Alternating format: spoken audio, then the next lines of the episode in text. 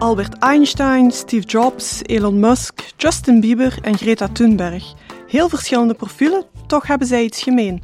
Een brein dat werkt op een andere manier. Wat die mensen ook allemaal gemeen hebben, is dat het natuurlijk allemaal heel succesvolle ondernemers zijn, elk op hun eigen manier. En daar is Eline Jammaars als econome vooral mee bezig. Waarom zijn mensen met autisme, ADHD en dyslexie zo'n goede ondernemers? Welkom bij de Universiteit van Vlaanderen podcast.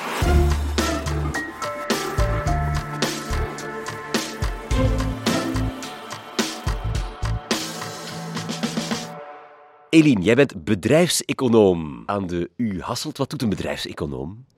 Wel, vele mensen denken misschien dat ik bezig ben met cijfertjes en voorspellingen, maar dat is eigenlijk niet. Ik ben niet dat soort bedrijfseconoom. Mijn onderzoek is eerder sociologisch en ik ga dus kijken naar complexe fenomenen op de werkvloer en probeer die beter te begrijpen. Vooral dan rond diversiteit en inclusie. En dan komen we meteen bij de kern van wat we hier vandaag gaan vertellen. Je komt ons een, een verhaal vertellen dat begint in de praktijk. Eh, van iemand die je hebt gehoord tijdens een interview voor je onderzoek. Vertel.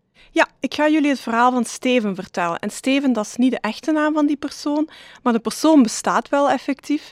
Ik interviewde hem een tijdje geleden in verband met mijn onderzoek. En hij is een 40-jarige, heel erg gepassioneerde ondernemer.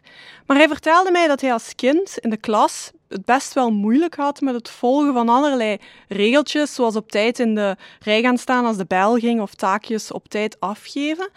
En men ging er nogal snel vanuit dat dat was omdat hij een beetje opstandig was.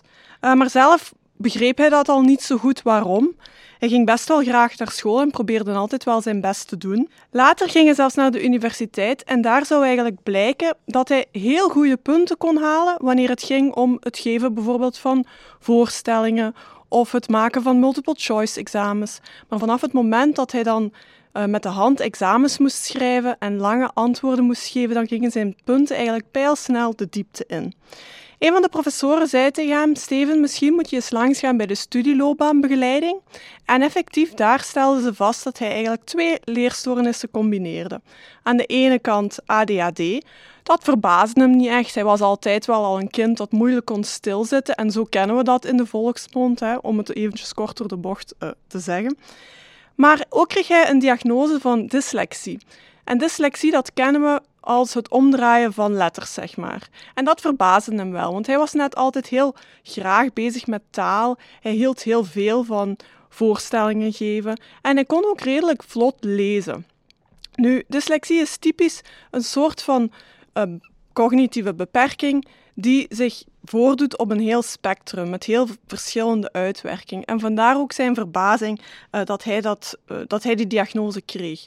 Nu, het hielp hem uiteindelijk wel met zijn examens succesvol te kunnen afleggen, want hij kreeg allerlei aanpassingen vanuit de universiteit, zoals bijvoorbeeld meer tijd, maar sommige examens mocht hij ook mondeling afleggen in plaats van schriftelijk. En dat hielp hem eigenlijk wel goed. Dus dat kon hij met succes afronden en toen natuurlijk moest hij een job gaan zoeken. En omdat hij taal zo graag deed, ging hij als onderwijzer aan de slag. Uh, en dat beviel hem heel goed. Hij hield heel veel van de taal, van het onderwijzen. Toch merkte hij soms dat hij op een paar kleine probleempjes stuitte. En die hadden vooral te maken met systemen uh, die voor hem moeilijk te begrijpen waren. Een voorbeeldje. Zo vond hij het heel moeilijk om het uurrooster te interpreteren. Uurrooster voor ons lijkt dat heel simpel, maar dat is toch een heel abstracte materie die hij heel moeilijk verwerkt kreeg. En dat leidde ertoe dat hij soms niet op tijd voor zijn les stond of in een verkeerd lokaal. Al gauw werd hij bij, op het matje geroepen bij de directie en daar moest hij met een bang hartje vertellen uh, dat hij wel dacht te, te weten van waar die problemen kwamen en weer dat het niet kwam vanuit een opstandigheid of een niet willen, maar eerder het niet kunnen interpreteren van dingen die voor andere mensen eigenlijk heel simpel lijken. Nu, die directie was eigenlijk heel uh, begripvol daarvoor. Toch merkte Steven na verloop van tijd dat alles wat er misliep in die organisatie binnen dat onderwijs al rap werd toegeschreven aan zijn beperkingen. als studenten bijvoorbeeld geen zin hadden om te komen of gewoon de les niet zo interessant vonden, dan ging de directie ervan uit dat dat wel met zijn dyslexie en ADHD te maken zou hebben. En dat was hij op den duur eigenlijk wel beu. Hij besloot dan maar om zijn leven over een andere boeg te gooien en werd dan maar zelfstandige. En daar bleek hij al gauw uit te blinken. Hè. Hij was heel goed in het samenbrengen van investeerders, eh, in het opzetten van evenementen. Hij startte zijn eigen vertaalkantoor en gaf bijlessen en scholingen en dat bleek een groot succes. Zijn cognitieve beperkingen die waren hier eerder een superpower, hè, want aan energie kom je natuurlijk nooit tekort als je ondernemer bent. En naast dat verhaal van Steven verzamelde ik nog een paar andere verhalen van zulke ondernemers wiens beperking eigenlijk een superkracht kan zijn. Ja, eh, eh, Gaat het qua beperkingen dan enkel om dyslexie, ADHD of, of, of zijn er nog andere uh, leerstoornissen? Wel Tom, het gaat inderdaad breder als alleen dyslexie en ADHD. In mijn onderzoek heb ik gekeken naar mensen die ik zou benoemen als neurodivers. Neurodiversheid, dat is eigenlijk een term die in de laatste jaren sterk is opgekomen om te benadrukken dat mensen die hun wiens brein op een andere manier werkt, niet noodzakelijk een beperking hebben, maar net ook een sterkte. Het is vanuit die positieve invalshoek, zeg maar. En naast mensen met ADHD of dyslexie kan het dan ook gaan om mensen met dyspraxie. Dat is bijvoorbeeld als je problemen hebt met de kleine fijne motoriek of dyscalculie, als je cijfertjes omdraait. Maar evengoed kan het gaan over mensen met autisme spectrumstoornis. Dat zijn mensen die mogelijk problemen ervaren met communicatievaardigheden, maar ook sociale interactie. Maar het kan ook bijvoorbeeld gaan over mensen met een bipolaire stoornis. Dat is wanneer je um, sterke wisselingen hebt in je gemoedstoestand. Nu, normaal gezien denken we over die dingen vaak vanuit een soort negatieve invalshoek, dat die problemen of moeilijkheden met zich meebrengen. Maar met de term neurodiversiteit wil je juist benadrukken dat het gaat om een brein dat op een andere manier werkt, maar daardoor ook veel mogelijkheden met zich meebrengt en positieve kanten. En heel interessant, binnen die beweging zeg maar, van neurodiversiteit zijn er een paar onderzoekers die zijn gaan kijken naar kenmerken die vaak voorkomen bij succesvolle ondernemers en kenmerken die typerend zijn aan enkele van die neurodiverse condities. En zij stellen eigenlijk vast dat er best wel veel gelijkenissen zijn tussen die twee. Ik zal misschien een paar voorbeeldjes geven. Bijvoorbeeld mensen met dyslexie, daarvan weten we dat ze het moeilijk kunnen hebben met lettertjes, ze draaien die soms om. Maar we weten ook dat dat mensen zijn die echt goed zijn in origineel denken, in patronen erkennen, die ook heel ruimtelijk kunnen redeneren. En als we dan gaan kijken binnen het landschap van bekende neurodiverse ondernemers, dan vinden we daar Steve Jobs, de grote bedenker van Apple. Hij is de man die ons het prachtige design van de iPhone bracht, maar ook van de iPad. Dan kan je je daar wel iets mee voorstellen. Een ander voorbeeldje zou zijn iemand met ADHD, wel, daarvan weten we dat die heel uh, impulsief zijn, dat die ook heel hyperactief zijn, maar tegelijk zijn dat net ook mensen die heel goed om kunnen met risico en met onzekerheid en die geen angst hebben om beslissingen te nemen in dat soort van omstandigheden.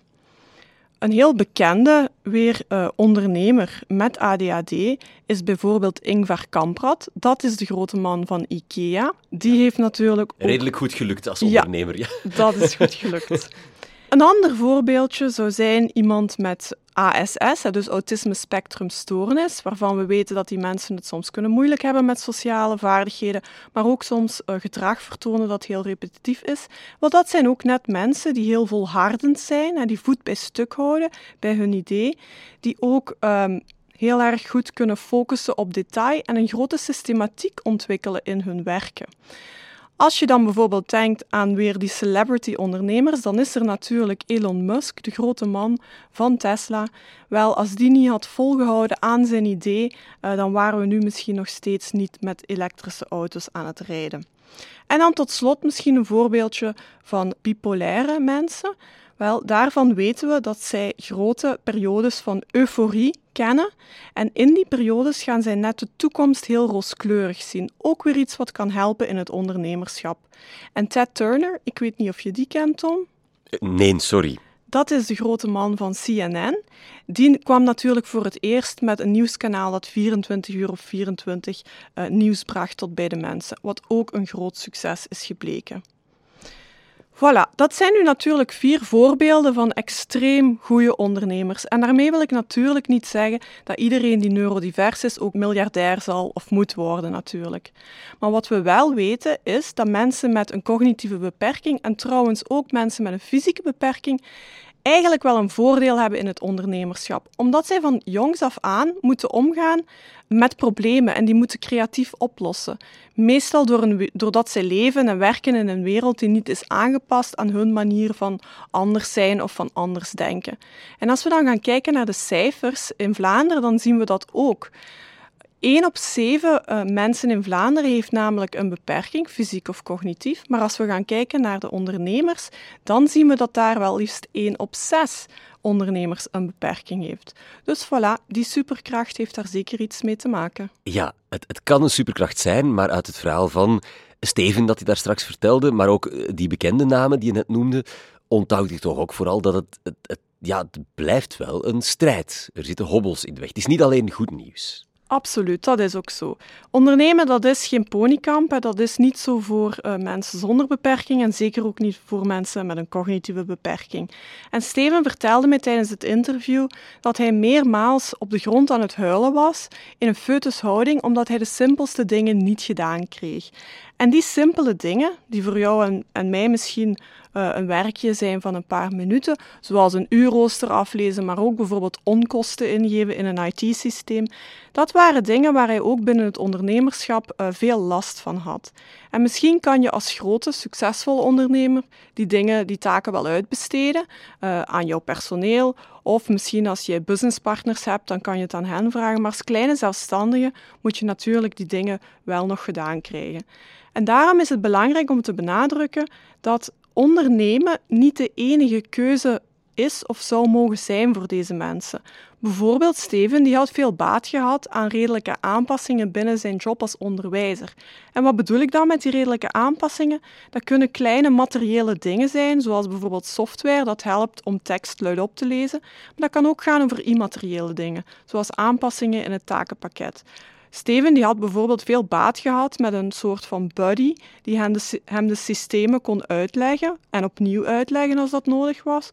Of bijvoorbeeld een omwisseling van taken waarbij hij meer onderwijs moest geven en misschien minder administratieve dingen zou moeten doen en die aan een collega zou kunnen geven. En bovendien hebben werkgevers ook veel baat bij het aan boord houden van hun neurodiverse mensen, omdat we weten dat wanneer een werkomgeving boordevol diverse mensen zit, dit zal bijdragen aan het innovatief vermogen. Ook weten we vanuit onderzoek dat het hebben van neurodiverse mensen heel positief is voor een andere reden. We zeggen namelijk onder onderzoekers wel eens dat neurodiverse mensen de gele kanaries zijn van de koolmijnen. En wat bedoel ik daar nu bij? Wel, vroeger, en dan heb ik het over heel vroeger, als mensen afdaalden in de koolmijnen, dan namen ze wel eens parkieten in een kooitje mee. Omdat die parkieten, die konden veel vroeger de giftige gassen waarnemen uit de koolmijnen. En dus het waren een goede indicator voor het gevaar. Wanneer ze dan van een stokje gingen, dan wisten de koolmijnwerkers, nu is het tijd uh, om ons uit de voeten te maken en naar boven te gaan. En zo is het eigenlijk ook binnen de werkplek.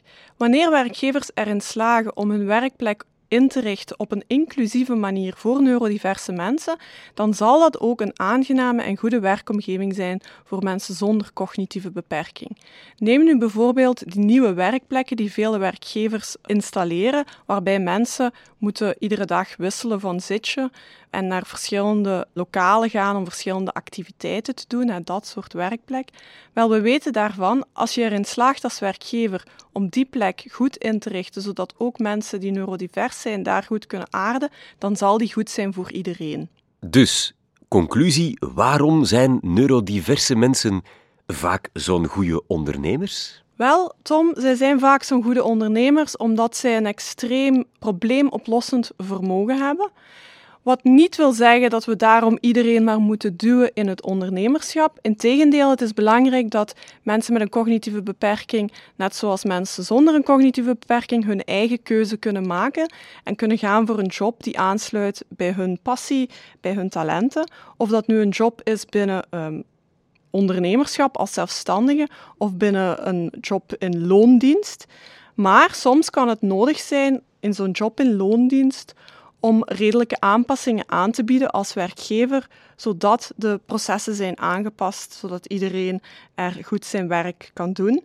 Net zoals het binnen ondernemerschap misschien soms nodig is om een businesspartner uit te nodigen, zodat je als neurodiverse ondernemer kan shinen in jouw krachten en daar waar het moeilijk loopt, zoals in ons verhaal bij Steven, een collega hebt die dat een beetje kan opvangen. En zo wordt het misschien toch nog een ponykamp. Dankjewel voor die waardevolle inzichten, Eline Jammaars. En ook jij bedankt om te luisteren. Wil je trouwens weten of kortsluiting in de hersenen autisme uitlokt? Scroll dan even helemaal terug naar aflevering 47 uit deze reeks met neurofysioloog Bert Brone. Heel graag tot daar of tot een volgende keer.